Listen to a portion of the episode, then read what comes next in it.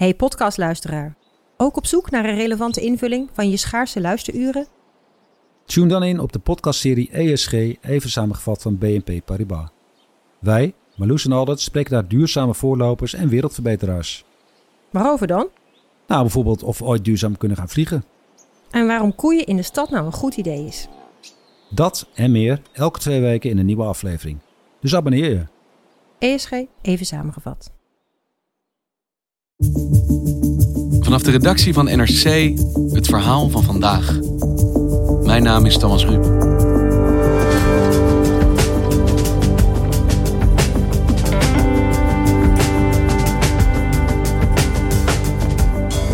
Vandaag begint in de Tweede Kamer een onderzoek naar de financiering van tientallen moskeeën.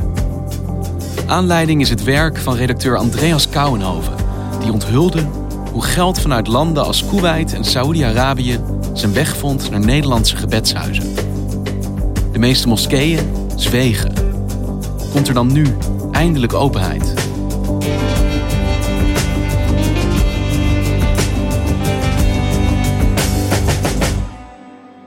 In 2018 kreeg ik een uh, telefoontje van uh, Milene Holders van Nieuwsuur.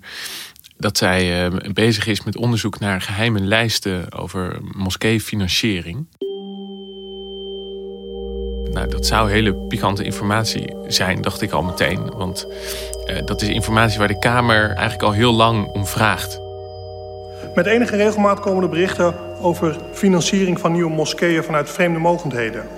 Saudi-Arabië, Verenigde Arabische Emiraten of Kuwait. Eerst wat we moeten weten is, uh, wat zijn de feiten? Vragen aan beide ministers. Wie is of zijn deze financiers? Die willen weten welke moskeeën worden hier nou eigenlijk betaald vanuit uh, het buitenland... en wat is daar nou de invloed die daarmee gekocht wordt. Met welk doel wordt het gegeven? De promotie van salafisme vanuit het buitenland richting Nederland is onacceptabel. En als dat gebeurt en als dat leidt tot radicalisering die een dreiging vormt voor de Nederlandse samenleving, dan moeten we daar als eerste inzicht in hebben en als tweede proberen te voorkomen dat dat gebeurt.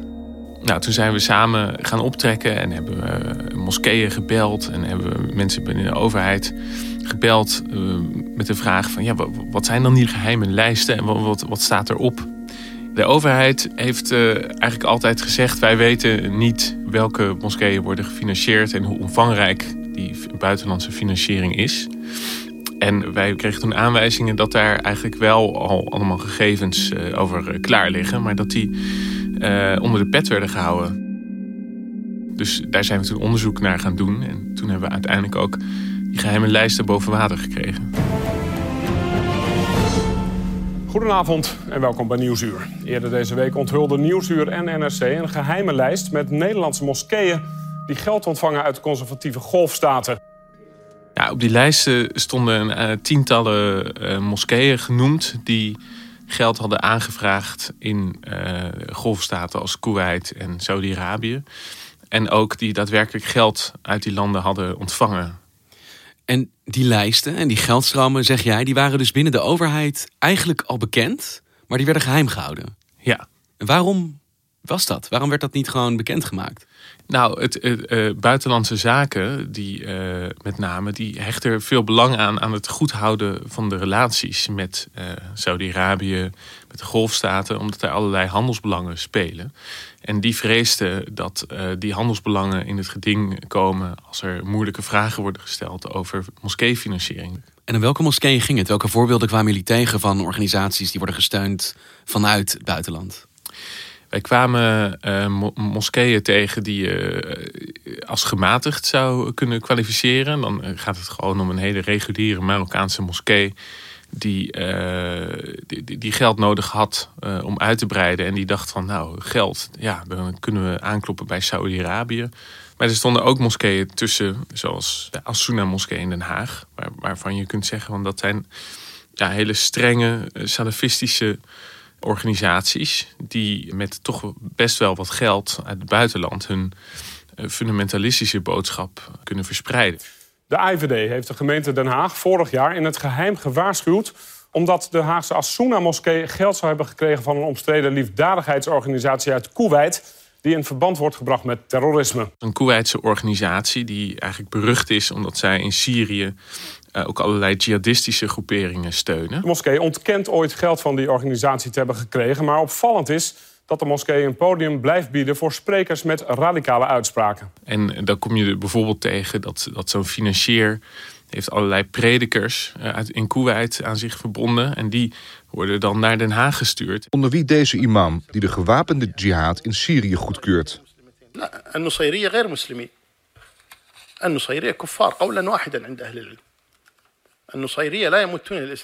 En dan ja, zie je dat daar toch gewoon een heel intolerante, fundamentalistische versie van de islam wordt, wordt uitgedragen. Waarbij uh, ja, mensen vrij snel als afvalligen worden bestempeld als ze maar iets afwijken van de leer. Ook de middeleeuwse straffen uit Saoedi-Arabië komen voor in Asuna's boeken, in haar online lezingen en preken. Een vrouw of een man die getrouwd is en die overspel plicht. Zijn bestraffing is de doodstraf. En mede naar aanleiding van dat hele onderzoek heeft de Kamer dus gezegd van nou wij willen nu echt uh, daar uh, duidelijkheid over. En, en, ook duidelijkheid over wat we er tegen kunnen doen. En daarom willen we een uh, parlementaire ondervraging hierover organiseren.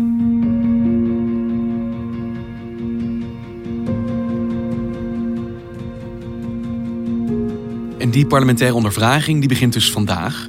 Maar wat is dat nou precies? Want ik ben bekend met het fenomeen parlementaire enquête. Maar dit is iets anders, toch?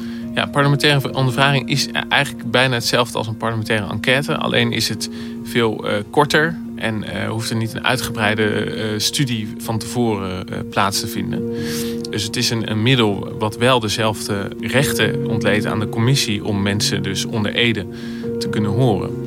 En nog belangrijker eigenlijk ook om allerlei documentatie op te vragen van instellingen. Dus dat is dus ook gebeurd bij in ieder geval twee moskeeën nou ja, daar staan mogelijk natuurlijk nog veel meer gegevens over. Over, de, over donaties die zij hebben ontvangen uit uh, allerlei landen. En het is best een krachtig instrument dan dus. Want je kan zo'n parlementaire ondervraging niet weigeren. En het is zelfs strafbaar om daar te liegen. Ja, het is het eh, vergaandste instrument van de Kamer op de uh, parlementaire enquête na, zeg maar. Dus het is wel een heel sterk uh, middel.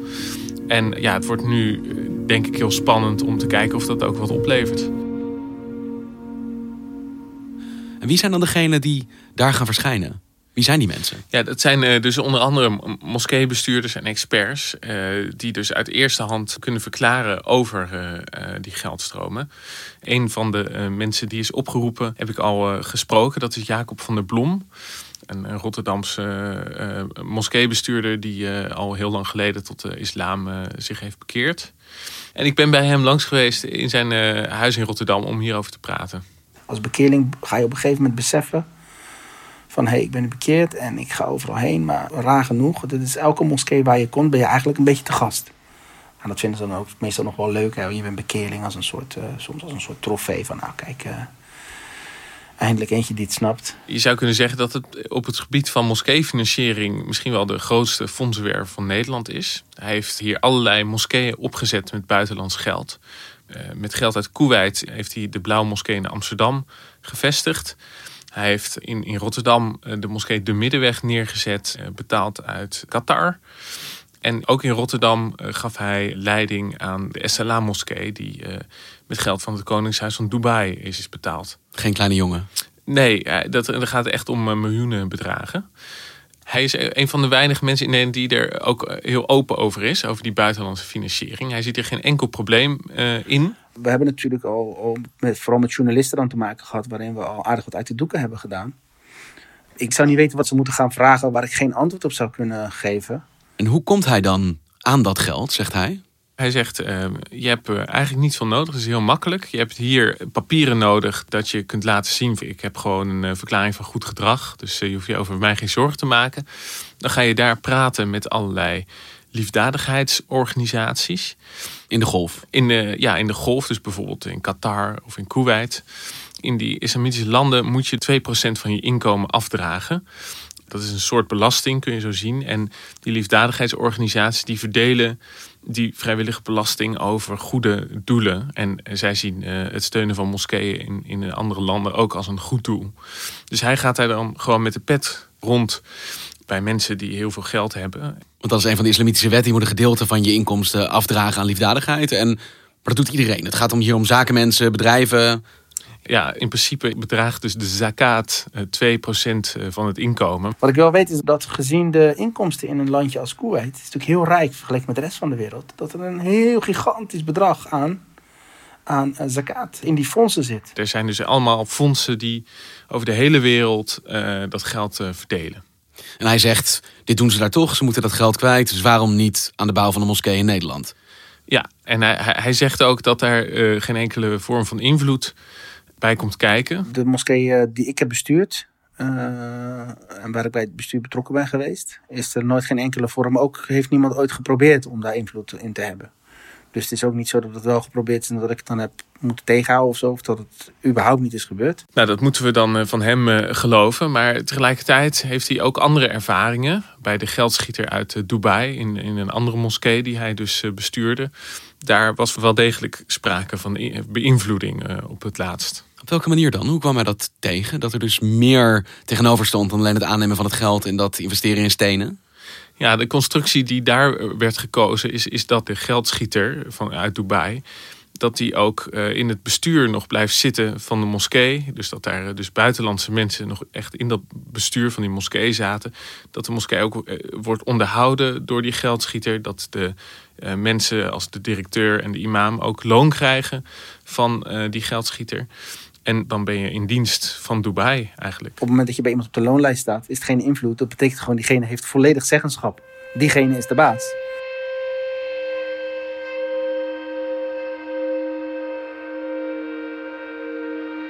Maar welke invloed wilde zij dan hebben? Wat, wat wilde zij van hem dat hij deed in die moskee?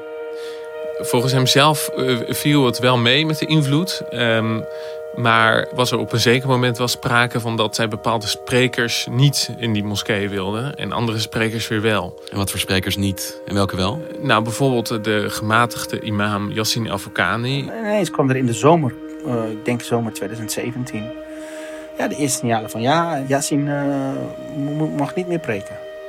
Die wilde zij liever niet meer in die moskee hebben, uh, om onduidelijke redenen. Ik zei, nou, daar gaan wij toch over? ik zeg, hebben wij dat besloten dan? Nee, nee, maar... Dus ik heb een paar keer een gesprek gehad en uit die gesprekken kwam ze... Nee, jullie beslissen gewoon alles wat er, wat er, wat er gebeurt. Maar oké, okay, kwam dat weer terug. Dan komt iemand anders spreken deze vrijdag en Yassin die moet worden... Nou, totdat uiteindelijk, ik denk begin december of eind november toen werd er echt bevestigd, Yasin mag niet meer spreken.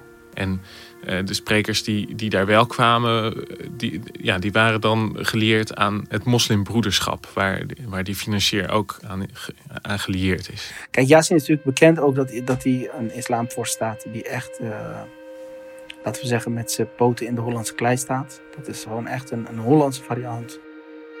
En wat vond Jacob van der Blom daarvan toen hij dat zag gebeuren? Toen hij zag dat dit er tegenover stond? Hij zegt dat hij uh, daar zich uiteindelijk tegen heeft, uh, heeft gekeerd. En uh, dat hij daarna aan de kant is gezet door de geldschieter. Hij is aan de kant gezet? Ja. In dat specifieke geval ben ik ook ontslagen uiteindelijk door drie buitenlandse bestuurders. Dus nou ja, hoeveel invloed wil je hebben? Dat is niet invloed, dat is gewoon volledig zeggenschap hebben. Maar dit lijkt me nou precies een voorbeeld waar het kabinet en de Kamer en misschien ook de IVD bang voor is. Een direct voorbeeld van dit is het gevolg van financiering. Het kabinet wil inderdaad geen uh, onwenselijke financiering die tot problematisch gedrag leidt. Dat uh, formuleren ze zelf zo komt er eigenlijk min of meer op neer dat als, het, uh, als de, de, de vorm van de islam die in die moskee wordt gepredikt, als dat een hele intolerante, onverdraagzame, antidemocratische ideologie is, dan uh, vinden ze dat problematisch. En de volgende vraag is dan denk ik, maar mag het? Mag je in ruil voor buitenlandse financiering dit soort varianten van islam prediken in je moskee?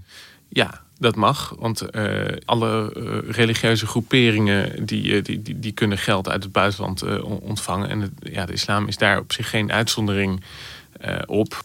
Maar is er dan niet sprake van een wettelijk hiaat? Het is toch mogelijk om dit soort dingen bij wet te regelen? De wet is toch een veranderlijk ding? Uh, je kan toch voorstellen doen die het onmogelijk maken en verbieden om moskeeën te financieren vanuit bepaalde staten? Ja, de Kamer vraagt er ook al heel lang om, hè, om zo'n verbod. Maar tot nu toe is dat nooit gelukt. En dat heeft er uh, mede mee te maken dat je zo'n maatregel niet alleen kan nemen voor uh, de islamitische gebedshuizen. Maar daar, daarmee moet je natuurlijk ook andere uh, religies afsnijden van, van, van buitenlandse beïnvloeding. En dat ligt weer heel gevoelig bij de christelijke partijen. Want die zien dan bijvoorbeeld dat de paus in Rome zou dan uh, ook niets meer te zeggen hebben over de katholieke kerken of de, hè, de financiering van, van, van, van christelijke groeperingen of van Joodse instellingen. Die zou daarmee ook geblokkeerd worden. Hè, dus je kunt niet alleen één geloof eruit pakken. Dat laat de vrijheid van godsdienst en uh, het discriminatiebeginsel niet, niet toe.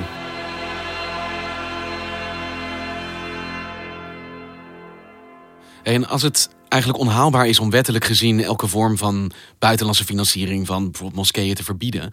Wat hoopt zo'n parlementaire ondervraging dan te bereiken? Wat, wat moet dit instrument opleveren? Ja, dat is natuurlijk uh, heel erg zoeken. Um, dat zie je al aan de onderzoeksopdracht van de commissie. Die zou eerst gaan om uh, financiering uit onvrije landen.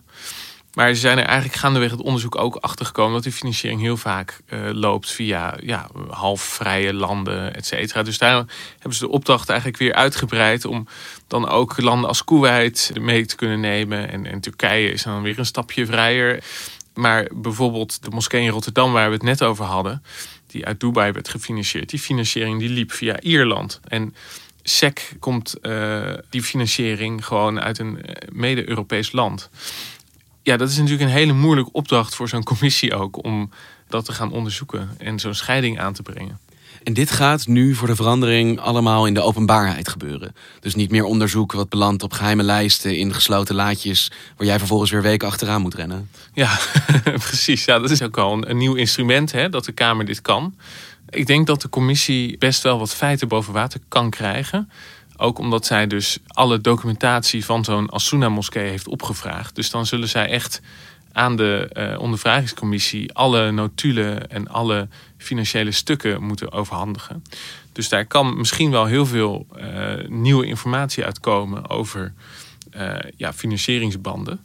En aan de hand daarvan zal de commissie toch proberen om wel oplossingen aan te dragen voor hoe je die vormen van financiering kunt tegengaan zonder dat je ja, in de vrijheid van godsdienst treedt. En waar ben jij benieuwd naar? Wat gaan we nou horen deze week? Ik ben er zelf wel heel benieuwd naar, omdat ik er natuurlijk zelf ook onderzoek eh, naar gedaan heb. En op allemaal lijsten uitkom en moskeeën daarover heb gebeld en doorgezocht. Maar uiteindelijk ja, stuit je dan toch op een muur van zwijgzaamheid over die financiering. En ik ben wel heel benieuwd of zo'n commissie met de middelen die ze heeft, of zij daar dan een slag verder in komen en toch meer feiten boven water krijgen. En ik ben ook benieuwd of de, of de moskeeën nu echt openheid eh, gaan verschaffen over die uh, financieringsstromen. Dankjewel, Andreas. Geen dank. Je luisterde naar vandaag, een podcast van NRC. Eén verhaal, elke dag. Dit was vandaag. Morgen weer.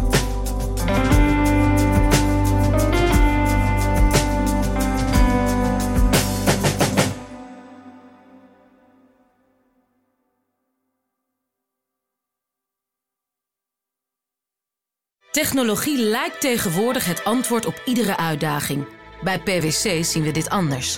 Als we de potentie van technologie willen benutten, kunnen we niet zonder een menselijk perspectief. Human-led, tech-powered noemen we dat. Ga naar pwc.nl.